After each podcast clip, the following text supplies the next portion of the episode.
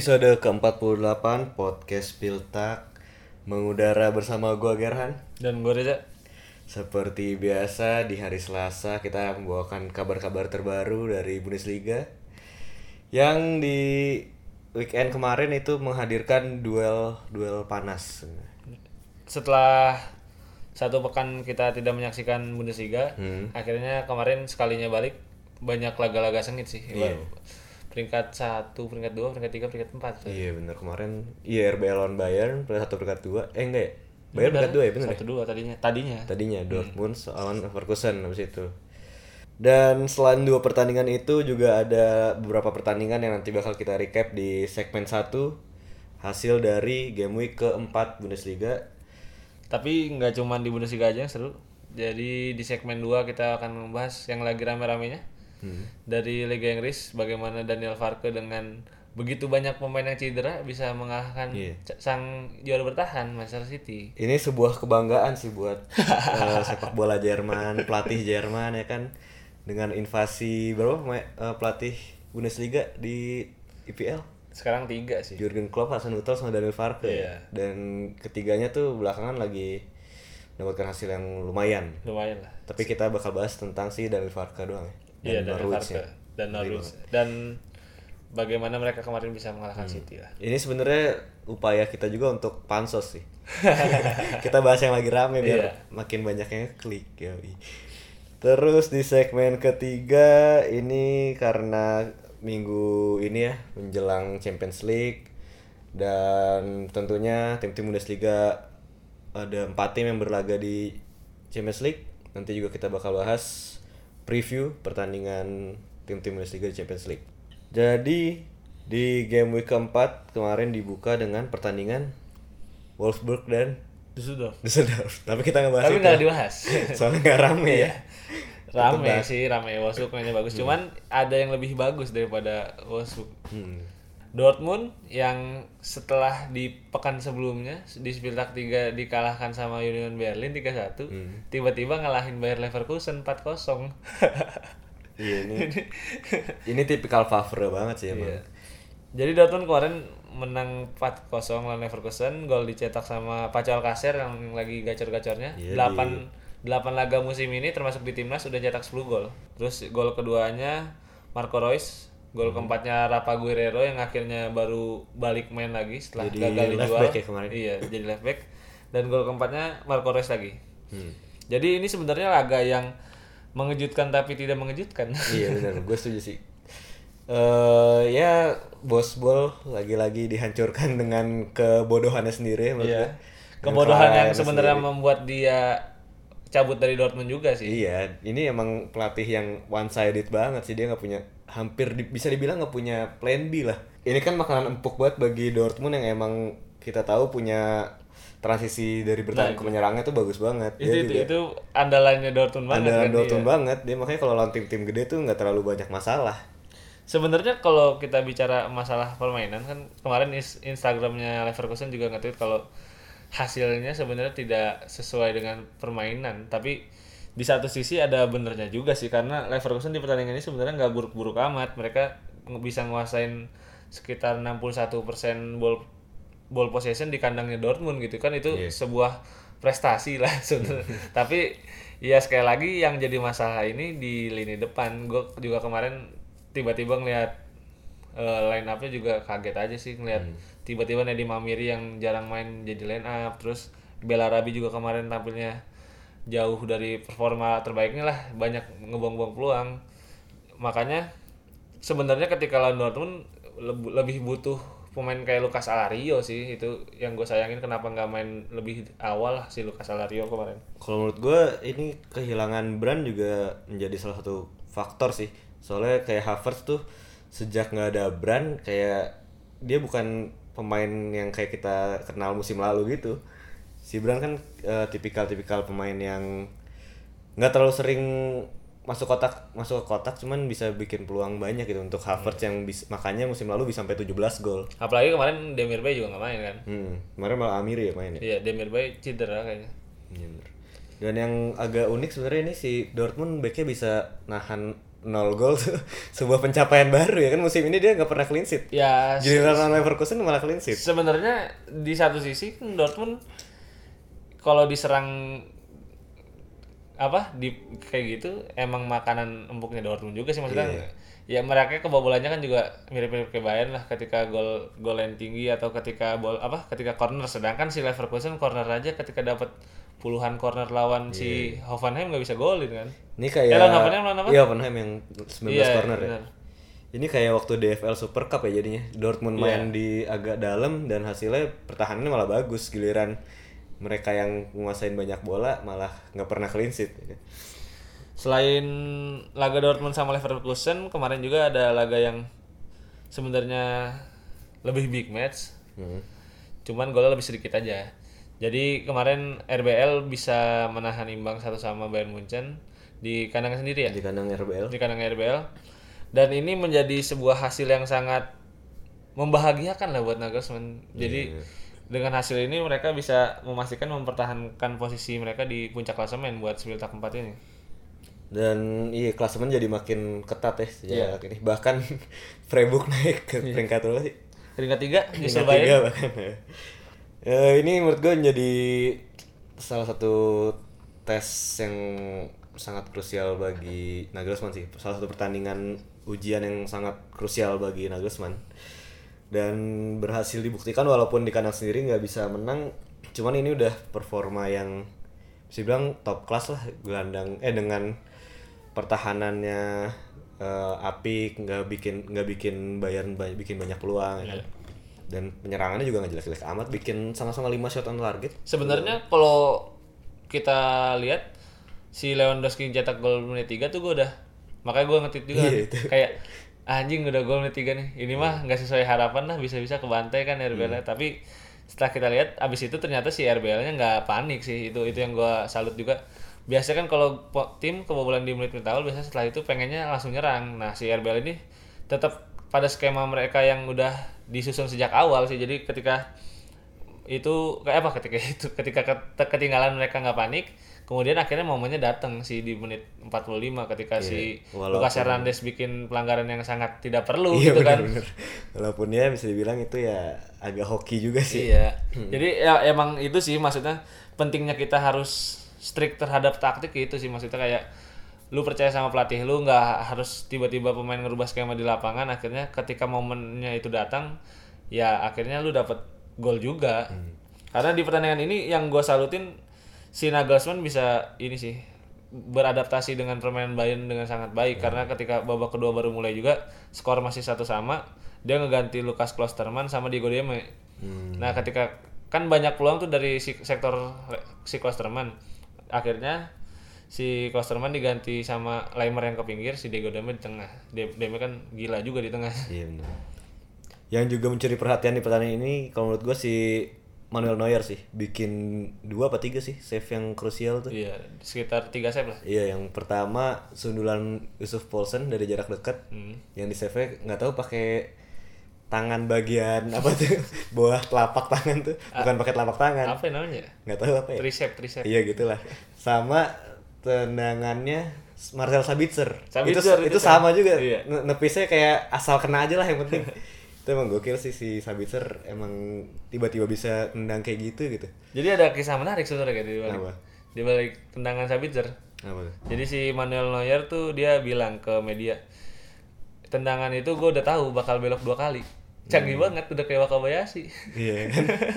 kan mungkin ini aja apa dia sering latihan sama David Alaba. Oh, ya kan? bisa. Alaba kan Iya. yang free kicknya jago kan. Kayak Iya. gitu kan model kayaknya sih Sabitzer diajarin sama si Alaba pas ini timnas Austria kemarin kan. Iya, Apalagi pas pas Austria juga golnya dari jarak jauh kan si Sabitzer Iya, kemarin. Dan Alaba juga ngajarin ke Neuer cara antisipasinya ya kan. Jadi ini ya, saling benefit lah. dua muka, dua muka. Iya.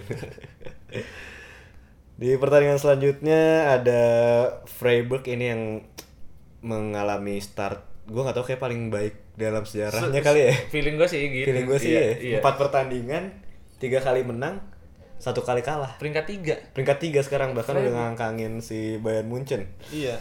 Kemarin menang 0-3 lawan Hoffenheim di kandangnya Hoffenheim. Ini- ini nggak habis pikir sih. He.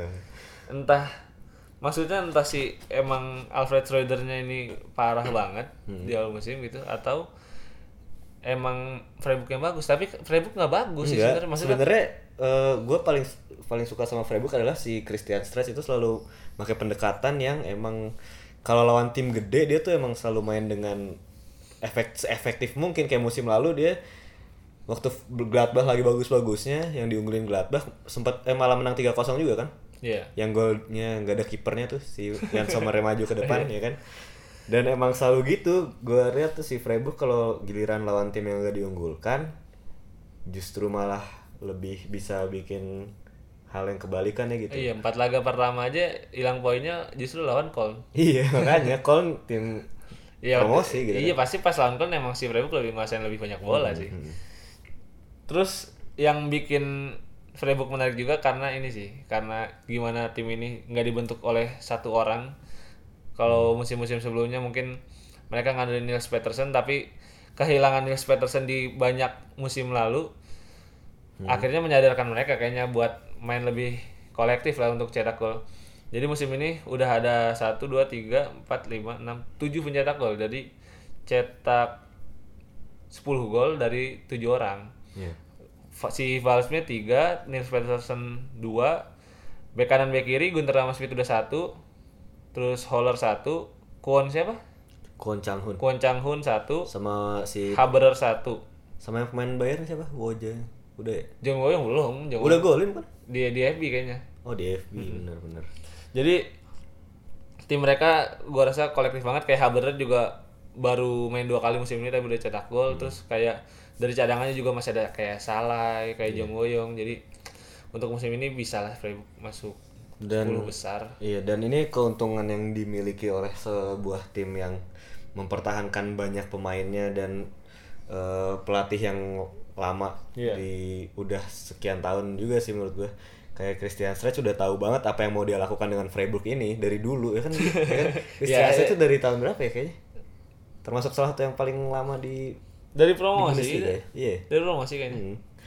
Kekalahan di kandang juga nggak hanya dirasakan oleh Hoffenheim, tapi juga dirasakan oleh tim promosi Paderborn. Iya. Ini kalau tadi dibantai 3-0, ini dibantai lebih parah. Dibantai 5-1 oleh Schalke. Kalau Schalke yang biasanya nggak bisa nyetak gol. Iya bener, ini sebuah eh, kebangkitan kayaknya.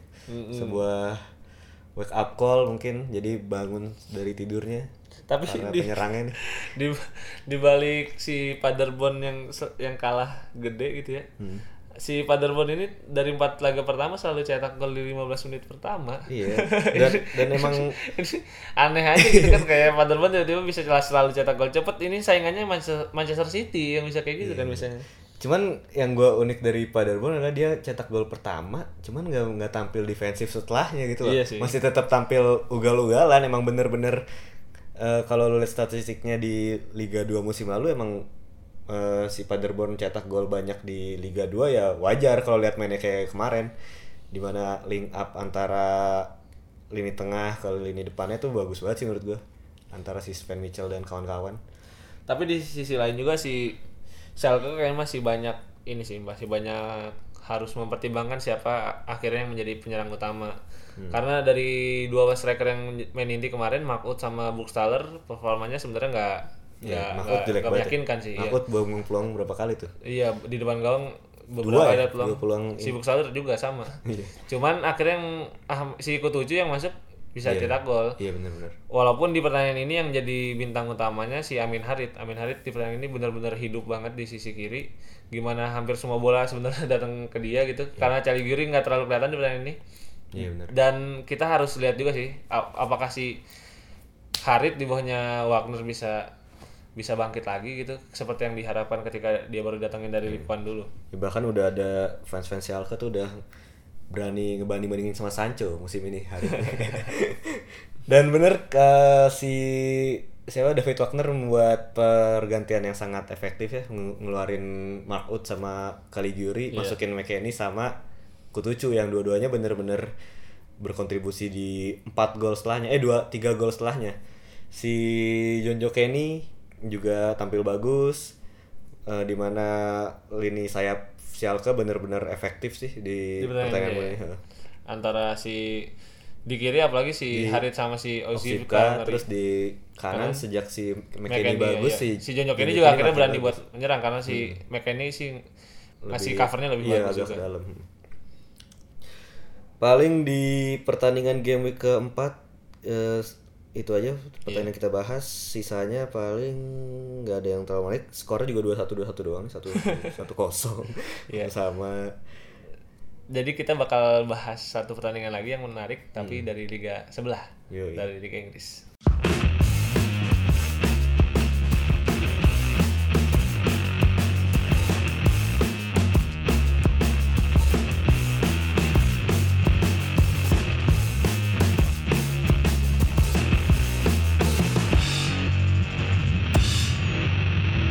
Sebuah kejutan terjadi, tapi kali ini bukan terjadi di Bundesliga, melainkan terjadi di Premier League. Di mana seorang pelatih asal Jerman dengan tim promosinya berhasil ngalahin sang juara bertahan yang dilatih oleh salah satu pelatih terbaik dunia. Pep Guardiola dikalahin oleh Daniel Farke yang bisa dibilang eh, CV-nya ini jauh berbanding 180 derajat. Iya ya. Si Selain itu. Pep Guardiola udah nanganinnya aja tim yang bisa sekali transfer Indo ngeluarin 100 juta semua. Iya bener. Barca, Munchen, sama City. City. Iya.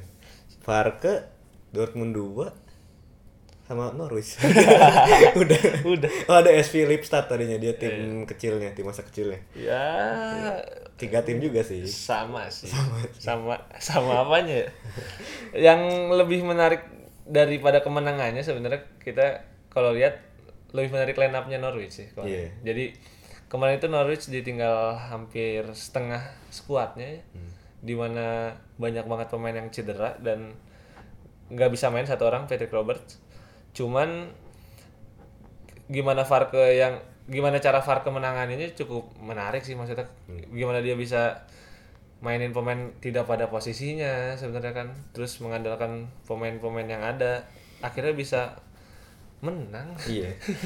Dan kalau eh tadi gue di pas pertandingan RBL lawan Bayern Munchen gue nggak bisa ngomong banyak. Sebenarnya gue gara-gara gue lebih nonton ini sih. Dan emang kalau lihat pertandingannya itu bener-bener passion versus apa ya kalau Pep Guardiola taktikal berarti ya iya lewat kema lawan kemapanan Iya, emang udah punya pemainnya jago, taktiknya jago, tapi lawannya dengan passion yang bener-bener apa ya? Bener-bener segitu meng- menggelora gitu, menggelora.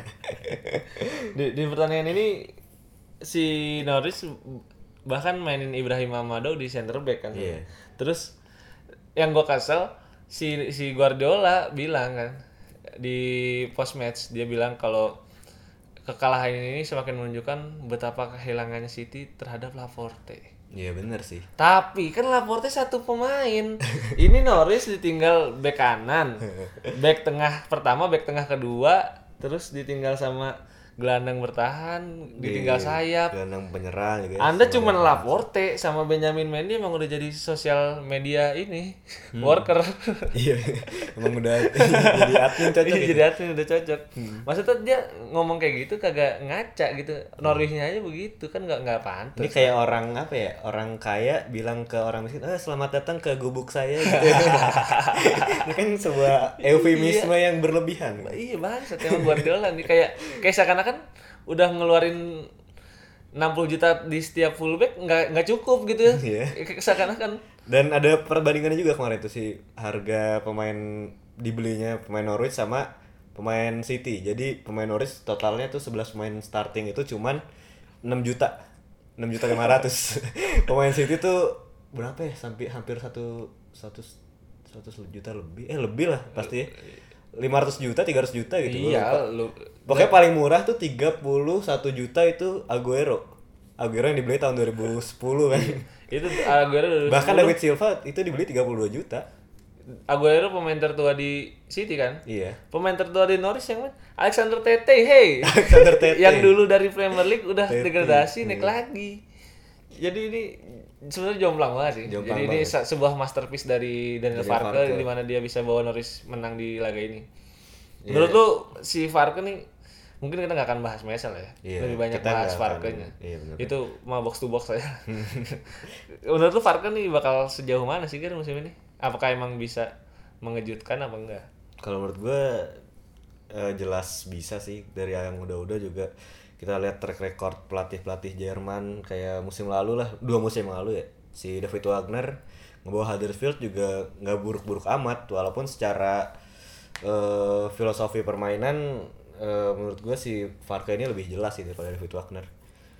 kalau kalau gue lihat sih sebenarnya dari cara main gitu ya Hmm. si Norwich ini kayak Chelsea versi low budget sih kalau sekarang jadi gimana dia bisa sebenarnya cetak gol banyak cuman di pertahanannya sih yang masih harus ini harus banyak berbenah sih apalagi di Norwich si tim close cedera berapa bulan 6 bulan gitu. tim close 6 bulan Zimmerman Zimmerman juga segitu. Nggak, Enggak, nggak Ti. akan main kalau Zimmerman. Zimmerman 9 bulan Iya. iya jadi Makanya. ini karena bursa transfer juga dibuka masih tiga bulan lagi gitu mere- si Norris harus berkutat dengan pilihan back tengah yang ada mereka cuman Ben Godfrey lah yang ibaratnya reliable gitu Bener, bener. di Si, si Grand Hanley. Habis itu Grand Hanley, Grand Hanley ini bener-bener parah sih maksudnya performanya di awal musim karena di tiga pertandingan pertama dua kekalahannya salah satunya gara-gara si Hanley main jadi emang ya nggak kualitas Premier League lah. Eh, iya benar. Tapi Terus, tapi terus sebenarnya dua dua sisanya ke mana main Ibrahim Amado sama sama siapa ya kemarin? eh Ibrahim sama Amado si sama sama Ben Godfrey. Iya. Cuman satu lagi kan si Philip Hayes lah itu juga kalau mendadak lah karena bukan posisi asli gitu. Cuman sebenarnya kemarin lawan City tuh pertahanannya nggak nggak buruk sih. Maksud gua dengan pemain seadanya Ibrahim Amado yang out of position tampilnya bagus banget dengan ke- ketenangan jiwa gitu. Ya cuman kan kayak gol Aguero tuh kan gara-gara bukan center back aja gitu. Oh, Ya, salah ya, positioning Iya, salah aja, ya positioning dan salah timing loncat kan itu. Cuman kalau lu lihat highlightsnya tuh gimana build up build up Norwich tuh bagus banget sih Nah, dari belakang semua pemain bisa ngalirin bola nggak asal nggak kayak lu nonton timnas Indonesia dah pokoknya nggak akan ada Dimarahin Coach Justin.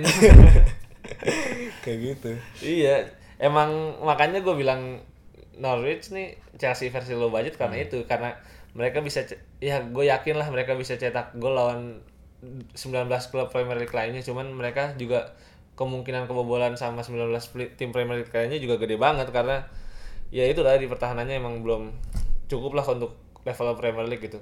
Dan yang gue suka dari si Farke ini dia eh, nggak kayak pelatih-pelatih ecek-ecek di Inggris lainnya sih di, di mana dia udah unggul duluan malah eh, full bertahan tapi si Farke ini malah tetap bisa ngasih press gitu walaupun Nah, udah gol gol kedua kan dari hasil pressing ke Otamendi ya kan? Iya, pressing ini goal kick. Iya pressing goal kick, Ba- yang lu nggak bakal ngeliat itu Steve Bruce ngelakuin kayak gitu tuh. Di pertandingan yang sama kan Steve Bruce unggul duluan tuh di Newcastle 1-0 lawan Liverpool. Iya, ini ini di hari yang hari yang sama. Sa- hari yang sama dua pertandingan yang berbeda. Kondisinya hampir serupa cetak gol di awal cuman hasilnya jadi beda jauh kan? Iya, si si Steve Bruce benar-benar baru menit 30 udah 9 pemain di kotak penalti, satu pemain di depan doang. iya Gitu sih yang gue suka dari Daniel Farke ini emang mentalitinya mentality ya ada lah sih asalkan dikasih pemain-pemain yang bener menurut gue bisa jadi tim yang mungkin ngepush ke Europa League di musim depan sih. ya mungkin terlalu terlalu cepat lah Europa League cuman ya mungkin Ya ya, Nggak- ya nggak- buktinya Wolverhampton dengan kasih tim yang eh pe- pelatih dengan filosofi yang bagus terus pemain-pemainnya diberi semua tuh kan yang kemauannya dia bisa ngepush ke ke Europa League di musim pertama bahkan. iya sih cuman ya kualitas pembeliannya kan juga beda. Wolverhampton kan beli Ruben Iya, belum Neves sih, Joe Moutinho gitu. Cuman ya untuk Norwich saat ini untuk dia bisa di 12 sampai 10 juga udah lumayan dengan dengan squad yang ada sih. Yang menarik selain itu sih beberapa pemain ininya kan beberapa pemain andalan, andalannya selain mungkin pemain akademi asli kayak Todd Cantwell, Jamal Lewis, Max Arons. sama Max Aarons ada beberapa pemain veteran sebenarnya yang didatengin ketika sudah tua Da- dan mereka biasanya bekas pemain Bundesliga. Ini tipikalnya Farka banget. Iya. Salah satu yang paling menarik perhatian musim ini tentunya ini pemain yang sudah naik satu juta kayaknya dia di FPL. Enggak, 5 5. Dari 6,5 dia. Kemarin naik lagi berarti 0 0,6. 0,6 Iya. Temu Puki. Timo Pukki ini kita kalau ngomongin Norwich City musim ini nggak akan bisa tanpa nyebut tim Puki sih. ya kan? Di sini Di, di berapa? 5 pertandingan udah 7 gol. sama kayak Aguero. Ngeri banget. Iya, Ini parah. Aguero datang 31 juta, tim Puki datang ke Norwich gratis. dari Brøndby. Dari Brøndby ya. Padahal di Brøndby juga nggak segacor Eh itu. dari Celtic, dari Celtic. Sel Celtic kalau Brøndby ya? Brøndby kayaknya. Celtic Brøndby baru ke ini ya. Iya. Dan pas di Brøndby juga nggak segacor di Norwich sekarang sih. Hmm. Kayak si Farke tuh bener-bener nemuin resep yang tepat banget buat bikin si Puki jadi world class striker lah Iya. ibaratnya. Gimana dia efektif banget sih gue liat Iya. Norwich main si peluangnya selalu datang ke si Puki. Jadi bukan kayak Puki datengin bola ke belakang tapi emang si sistemnya tuh bikin Puki cetak gol banyak. Dan yang gua suka dari Puki juga dia tipikal striker yang enggak apa namanya nggak egois juga sih ya kan dia dua kali assist musim ini kan Iya. dan dua-duanya tuh bener-bener assist yang di depan gawang gitu yang tap in semua kemarin gol ke Canwell juga sama kan kayak gitu ngomong ngomongin Fuki tapi sebenarnya gue jadi ini sih melihat kemiripan sebenarnya kalau seseorang di Bundesliga saat ini ingin menempuh jalur yang sama. Hmm. eh u- umur masih 29 umur masih muda udah datang ke Bundesliga tapi karirnya nggak berkembang kemudian dia memilih jalur ke klub lain yang lebih kecil tapi akhirnya sekarang bisa bersinar di Premier League. Satu pemain yang menurut gua masih punya sedikit secerca harapan lah. Si ini Joel Pohjan Palo Joel Pohjan Palo iya ya. sebenarnya sama-sama kan dari sama-sama dari Finlandia benar, karena benar. ini sebenarnya kisahnya mirip kan kayak dia umur Iya. 18 apa 17 waktu itu langsung pindah ke Leverkusen waktu itu diminatin sama banyak klub Eropa tapi sekarang gara-gara cedera sebenarnya Hmm. karirnya lagi turun di Leverkusen hampir nggak pernah main lagi kan ya dia ya ada juga ya kayak macam Branimir Hergota terus Josip Dermis juga kayaknya udah lagi mau diselamatkan Bener, karirnya bisa nih. sama si Daniel Farke si Puki cedera aja sekali bisa ya si Iya, naik main, Iya. ya. Dan ngomongin Puki tuh kita tadi gue baru baca juga sih artikelnya tentang Daniel Farke di The Athletic. Jadi katanya si Puki ini nggak nggak akan bisa datang kalau waktu itu Farke nggak ribut sama Nelson Oliveira. oh bener Waktu itu sempet Oh, ribut. Nelson Oliveira emang itu Nelson Oliveira attitude-nya attitude jelek. jelek banget katanya dan pernah suatu saat dia habis ngegolin bajunya dibuka dilempar ke Farke. Itu parah kan berarti. Ini ber- berbanding terbalik banget sama Timo Pukki yang kalau gue baca juga di eh, artikel di The Athletic juga emang punya attitude yang baik gitu dan nggak orangnya nggak neko-neko di baik di luar lapangan sama di dalam lapangan. Kalau kata pelatih dulunya tuh di mana sih dulu timnya? KTP namanya KTP timnya ini akademinya Semi Hipe Majari Litmanen ketepok ketepok. Ketepok KTP selain Puki yang menurut tuh mantan Bundesliga yang bakal bersinar siapa kira? eh Bu- Buan dia tuh dari dari enggak bener dia dari Granada apa mana Oh, gitu iya. gue lupa sebenarnya si Farke ini suka banget sama Christoph Zimmermann sih dia Nah. dia udah eh, salah satu pemain yang paling dipercayanya Farke selama karir dia lah dibawa dari Dortmund 2 di Norwich juga pemain yang paling di banyak dimainin di Norwich sejak Farke datang cuma sayangnya emang Cuma sayangnya cedera dan kalau nggak salah Zimmerman kapten ya. Oh, tim, Tim close, close yang tim close kapten. kapten. Nah, itu kalau menurut gua harusnya dua back ini bisa jadi eh, kayak inilah dulu di David Wagner tuh Christoph Schindler. Schindler Iya. sama siapa sih satu lagi? Eh, Low, Low, Jason Low. Eh Jason Low. Jason, siapa? Jason Lowe itu gelandang bertahannya Blackburn dulu anjing. Bukan Chris Christoph. Chris Lowe, Chris Christopher Lowe, Lowe. ya kan. Eh selain si apa sih Zimmerman, gue sebenarnya sekarang masih agak kecewa sih sampai saat ini belum main Ralf Farman. Ralf Farman. Iya sebenarnya gue pengen lihat aja sih dia di Premier League karena sebenarnya tim Krul tuh nggak bagus-bagus amat sih cuman kema- kemarin, emang bagus sih. Ya, kemarin kalau- semua tim bagus ya harus gua bilang. kalau kalau kalau kayak gitu sih pasti mental pemain naik sendiri sih kayak Hmm. tim Krul tiba-tiba jago ya one of berapa lah Hmm, dari beberapa pertandingan gitu ya. makanya sebenarnya ketika si tim Krul cedera kemarin kan sempat kenok juga. Gua ra- gua ngiranya si Rafarman yang bakal main cuman ternyata masih Tahu dia masih dipaksakan ya. dan hasilnya menang juga sih kalau dan mas soal kiper kemarin di bangku cadangan Norwich dua kiper. Saking nggak ada pemain. saking nggak ada pemain. Jadi cadangannya Rafarman sama Michael McGovern. Iya. Terus kalau pemain Jerman lain paling siapa ya yang paling sering dimainin tuh Tom Tribul sih sebenarnya satu lagi. Tom Tribul, Tribul, cedera Akademi Werder Bremen. Terus sama Moritz Leitner yang juga Leitner sih dipasangin. rebound padahal tahun kemarin pas di championship gak terlalu banyak main Iya, cuman musim musim ini tiba-tiba main terus. lumayan Cuman nggak tahu nih Kenny McLean kemarin main bagus. Kayaknya mungkin bakal ganti-gantian terus nih. Tete juga main bagus kan Ternyata iya semua main bagus sih kemarin. Bisa aja. ya mungkin kita lihat aja sih sebenarnya Hmm. seberapa jauh nih si manajer-manajer Jerman bisa mendominasi, menginvasi Hmm. Liga Inggris. Karena eh manajer Jerman cuma dua sih sebenarnya, cuma Hmm. si Jurgen Klopp yang sepertinya juara musim ini. dan dan Daniel Farke yang sepertinya memegang klub paling mengejutkan di Premier League musim ini. Kalau si Hasenhuttl ya so-so sih sebenarnya. Cuman Hasenhuttl ini menarik juga karena kayaknya dia musim ini udah bisa nerapin apa yang dia biasa terapkan dulu waktu ngelatih RBL dan mana sih dulu sebelumnya? Ingolstadt. Dia kan suka banget sama 4-2-2 tuh. Eh 4-4 gimana sih? 4-2-2-2 ngerti nggak? Iya kayak di RBL. Iya yang 4-2-2-2. pakai dua DM Yang pakai sayap. sama dua sayap eh dua Dua attacking pemain di belakang. midfielder. Heeh. udah mulai nemuin tuh kemarin si si, Si-. Adam sama Danny Ings depan, belakangnya tuh Armstrong sama Ward Prowse. Eh Armstrong, Redmond sama Ward Prowse.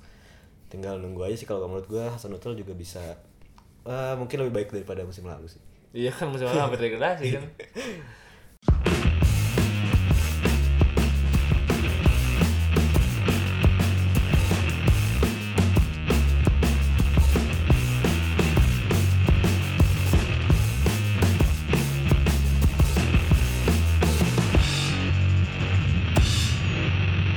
Minggu ini kita akan menyambut kembali datangnya fase grup Liga Champions 2019-2020.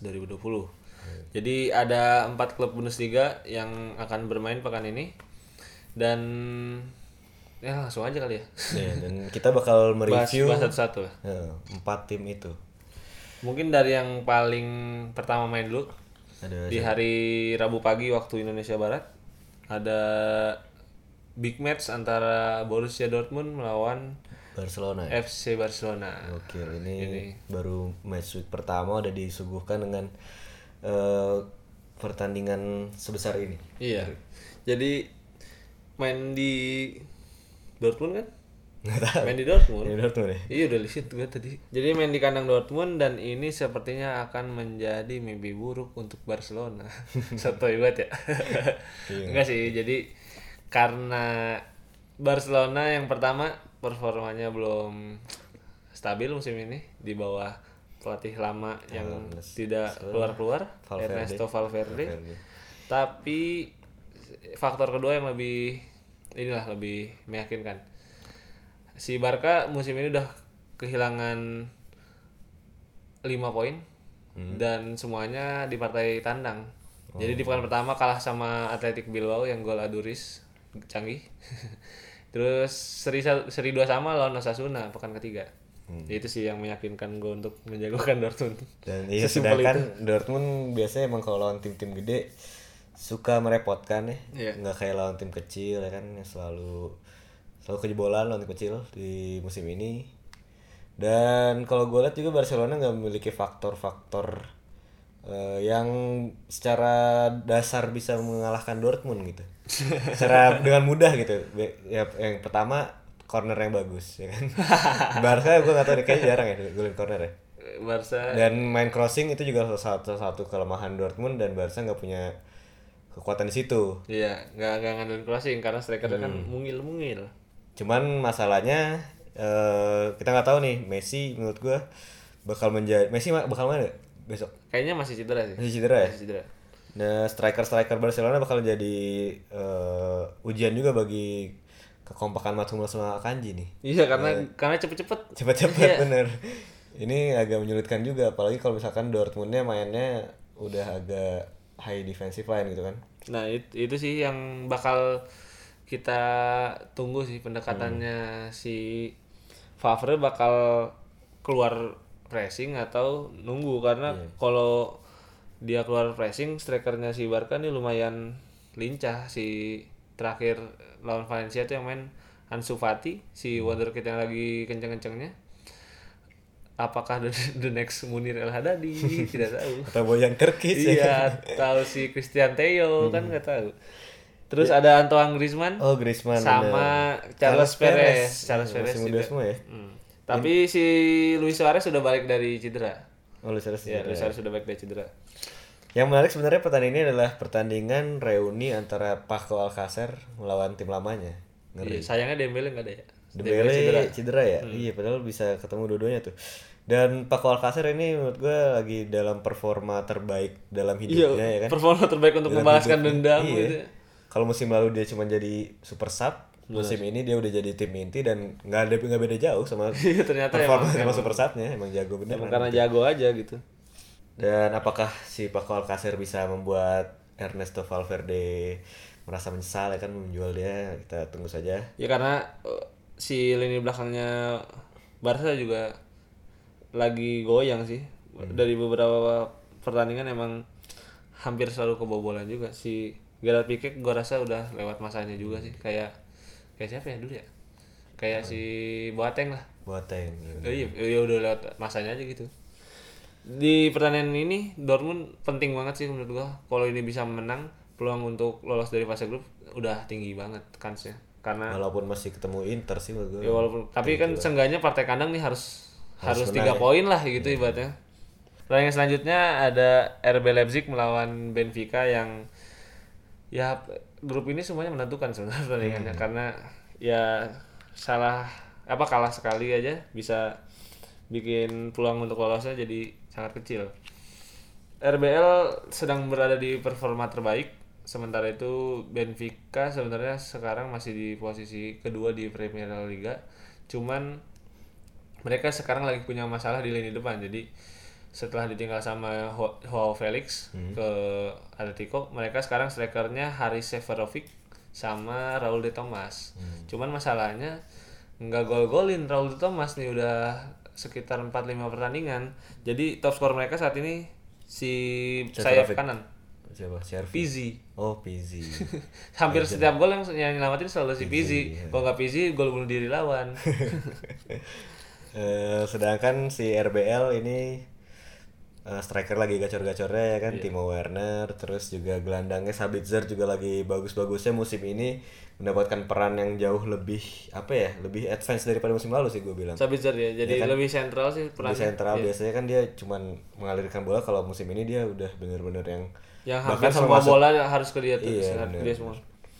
Yang tapi bakal dapat ujian yang sangat berarti dari si Benfica juga sih karena Ruben Dias lumayan bagus lagi Ruben Dias lagi- back ya? Ruben Dias yang back tengah oh iya tahu sama siapa ya satu lagi sama kipernya Odysseas Vlachodimos juga lagi naik Iya, ini berarti Benfica punya dua pemain yang pernah main di Bundesliga ya? Haris Seferovic sama Vlachodimos. ada lagi nggak tahu apa Ada lagi harusnya. ya? nggak tahu sih ya, Ya, dan, dan di di starting eleven itu lah. Dan Haris Seferovic sebelum main di Frankfurt, Frankfurt, walaupun nggak nggak bagus sih mainnya di Frankfurt ya. tapi si Benfica ini selalu clean sheet di setiap pertandingan kecuali yang lawan Porto itu doang Hmm, Jadi- berarti berarti emang eh, secara pertahanan bagus ya. secara pertahanan bagus Ya, menurut lo ini eh, di pertandingan ini Nagelsmann bakal ngerotasi apa enggak? fix rotasi sih karena karena skuadnya sangat Sangat, sangat ya, memungkinkan fleksibel untuk ya. rotasi karena di cadangan masih ada Engkunku kemarin yang belum mainin Dan masih ada si ada Matius Kunha, Matius Junha dan Sik siapa tahu Patrick, Patrick Sik Sik bisa mungkin ganti debut. Yusuf Paulsen, Hmm, di tengah juga masih ada Mukiele Tyler Adams eh, bahkan. Mukiele masih ada Taylor Adams nggak eh udah sembuh emang Nggak Adams tahu, belum ya? Masih kemarin ada- tuh si Kun- Kunku yang masuk kemarin. si Deme kemarin gak main full Hmm. di kanan kiri juga cadangannya masih ada si Saraci ya pasti rotasi sih cuman nggak tahu nggak terlalu banyak sih kalau kata gue. Mungkin Timo Werner masih bakal tetap Iya. memimpin di lini serang RBL Da- tapi gue sebenarnya nggak yakin bisa menang. Tiga poin sih sebenarnya di pertandingan ini karena kemarin udah terlalu banyak mengeluarkan tenaga lawan Bayern juga kayaknya nggak akan maksimal sih besok di Liga Champions Besok main di kandang siapa? di kandang Benfica Hmm. Estadio da Luz Ya menurut gue sulit sih. Eh satu poin udah bagus menurut gue. Iya. apalagi apalagi Leipzig habis Liga Champions ini bakal ketemu tim gede soalnya Werder Bremen ya? Ketebak. Ketebak juga ada. jadi Ya, mungkin kalau- eh, kalau- kalau- konsentrasinya bakal terpecah ya jadinya. Iya, jadi Gitu kalau kalau ah mending siapin lawan Bremen aja lah. Iya bener yang lagi backnya lagi Iya. bagus-bagusnya. Biar pas ya kan. lawan Bremen menangnya gede sekalian gitu. Iya. Gak nanggung-nanggung. Soalnya pertahanan lagi jago-jagonya. Christian Gross. Udah langsung Pertandingan selanjutnya, selanjutnya ada siapa nih?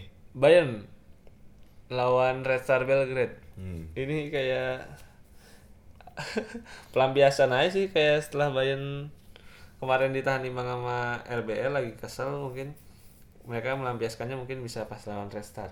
Iya. Cuman Red Star ini setelah ditilik-tilik ada Marco Marin yang Ya, sekarang udah udah jadi, kapten, bahkan ya. dan musim lalu tuh jadi pemain terbaik di liga apa sih dia liganya tuh Serbia. Serbia bener Eh, mus pemain terbaik di timnya juga pemain terbaik di liga Serbia juga jadi dan ya, dia seorang Jerman juga lagi jadi Iya, ada, ada- ada sentimental sentimental. sentimental melawan Bayern Munchen ya kan walaupun kayak waktu pas dulu di Werder Bremen cuma musim dua musim ya Cuman jago banget. jago banget Iya. ya langsung dibeli Chelsea Selain Marco Marin ada juga beberapa nama yang udah sering kita dengar. Ada Richmond Boake, ex ex AC. Milan. Ada Milan Degenek Australia. Milos Mil eh mi, iya Milos Degenek. itu bekas pemain mana ya ini Bocum kalau salah Milos Degenek Iya masih 25 tahun juga. Sama Rajivan Lapara. Oh, Rajiv Dari Lapara, Huddersfield ya? Huddersfield. Itu lumayan ya. Satu, satu, satu lagi yang me- menyita perhatian tuh Milan Pavkov. Ini Milan Pavkov yang bikin si Stephen Warnock dimarahin. Oh. Yang gara-gara ngambil dari IPL Bible apa apa? Oh, iya, yang, yang iya. ngambil dari Soccer Sport- Bible, iya, Soccer Sport- Bible Sport katanya Bible. si Pavkov ini dulunya apa sih elektrisian apa apa gitu. Jadi kayak datanya kurang bener. Iya si Warnock tuh pokoknya eh, ngegeneralisasi kalau pemain Red Star tuh setengahnya, Setengahnya non pro gitu. ya. non pro bahkan masih sehari-hari masih jadi tukang apa gitu kan Iya, teknisi, padahal kan. Red Star nih tim yang udah juara Liga Champion gitu. Iya, sebenarnya Udah lu lihat ya. lu lihat skuadnya juga skuadnya bagus-bagus Iya, kan. nama nama gede gitu masih ada ya. ya cuman kalau lawan Bayern ya nggak ada nggak nggak ada harapan Satu-satunya yang bisa diharapkan sama Red Star nih ini semangat juang. ya semangat yang di kandang Kar- Dan- kar- karena dia juga keren sih lo- lolos ke Liga Champions-nya dari kualifikasi babak pertama. Oh. Ngalahin tim eh, Lut- Lithuania, terus ngalahin Kop- Copenhagen, ngalahin pokoknya terakhir ngala- ngalahin Young Boys. Oh, Young Boys. yang lagi bagus juga di Liga Swiss sebenarnya kan. Hmm, Jadi jangan asal jangan ngeremehin lah. iya. Persaingan klub Jerman terakhir ada Leverkusen Hmm. yang akan menghadapi Lokomotif Moskow di kandang sendiri. Leverkusen lagi ngos-ngosan juga dengan pemain dengan skuad yang nggak dalam-dalam amat sebenarnya Iya. di pertahanan lagi hancur-hancurnya kemarin dihancurin Dortmund dan rotasi di Leverkusen menurut gue juga bakal menyulitkan Peter Bos sih nggak punya pemain dengan Iya.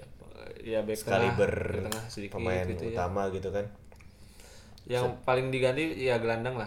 Gelandang masih ada beberapa pilihan. Masih ada gelandang, gelandang serang ya. Kalau kalau gelandang bertahan kan cuman Aramuis, Baumgartner, muter-muter di antara. Paulinho lah Paulinho Paulinho bisa ya yang kemarin nggak main tuh masih ada Leon Bailey nggak nggak nggak full dari awal kan Leon Bailey cuman si lokomotif Moskow nih ya backnya uzur-uzur ini sangat sebenarnya sangat, sesuai makanan- dengan makanannya Havertz Leverkusen ya, Bailey, Volan, Belarabi yang larinya. mereka di saat ini masih mengandalkan duet back tengah Benedict Hoedes dan Vedran Korluka dan di 2019. itu ada lagi lagi ada pemain Jerman Iya. Hoedes. oh ada legend West Ham Oh Mario. Se- sebenarnya lini depannya lumayan bagus sih untuk ukuran tim Rusia. Hmm. Masih ada duo Miranchuk, Al, Al- siapa sih? Anton Alexi sama sama- Hmm. Alexi. Tapi dua-duanya cedera untuk pertandingan besok kayaknya. Dan masih ada ini striker andalannya timnas Rusia Fedor Smolov juga. Hmm. Jadi ya secara penyerangan masih cukup membahayakan sih Lokomotif Moskow. Menurut lu pertandingan ini Leverkusen bisa poin berapa nih? di kandang Leverkusen ya Kandang Leverkusen. menurut gue bisa sih kalau Ini, ini ini ini tuh kayak si Leverkusen lagi jatuh-jatuhnya tapi di harus segera bangkit gitu ini. Karena ini satu-satunya klub yang harusnya bisa 6 poin lah lokomotif Oh bener, soalnya ntar ketemu Atletico sama Juve Atletico sama kan Juve itu berat banget. ya, berat banget. Kalau ini salah-salah aja, misalnya ini seri aja, peluang untuk peringkat tiga juga udah susah. Ya tapi bisa sih kalau gue bos bol untuk lawan tim-tim kayak gini seharusnya bisa Iya. menang. ini nih yang tipikal 65% penguasaan bola Iya lah. benar-benar. Ya udah sih empat pertandingan. Udah sih. Iya. Kalau Europa League kita nggak begitu nggak ngebahas kali ini kayaknya Ya, udah panjang juga. Nantilah kalau misalnya udah kelihatan karena Europa League juga masih tiga gitu timnya masih Empat malah kan? Empat tiga. tiga. Tiga ya. Ya. Gladbach, Wolfsburg sama Frankfurt. Dan misalkan lu ngebahas itu kan ntar Wolfsburg ketemu tim mana tuh Nah, itu, Alexandria iya, kayak- tuh kita mau apa ya? Ya, kayak kayak Wolf apa Gladbach ketemu Wolfsburger kan kita juga nggak tahu mainnya. Kan kalau ini masih masih Masih mending, masih lah, mending ya. lah. Eropa daratan yang jago-jagonya Iya. gitu. Ya kita doain aja semoga tim Jerman bisa dapat hasil yang lebih baik lah seenggaknya dari Dari dari musim musim, lalu lalu, cuma 16 besar gitu anjing. Paling gitu aja lah di episode kali ini kita tutup dengan Berdoa. segmen tadi. Mau pulang. yang paling rapi pulang dulu aja. Gini sih. kan nggak kelihatan ya gue ya. Tangannya di pangku soalnya paling rapi itu licik banget sih itu. Oke gitu. Yaudah kita pamit aja di episode ke-48 gua Gerhan cabut. Gua Reza cabut. Sampai jumpa di episode episode selanjutnya.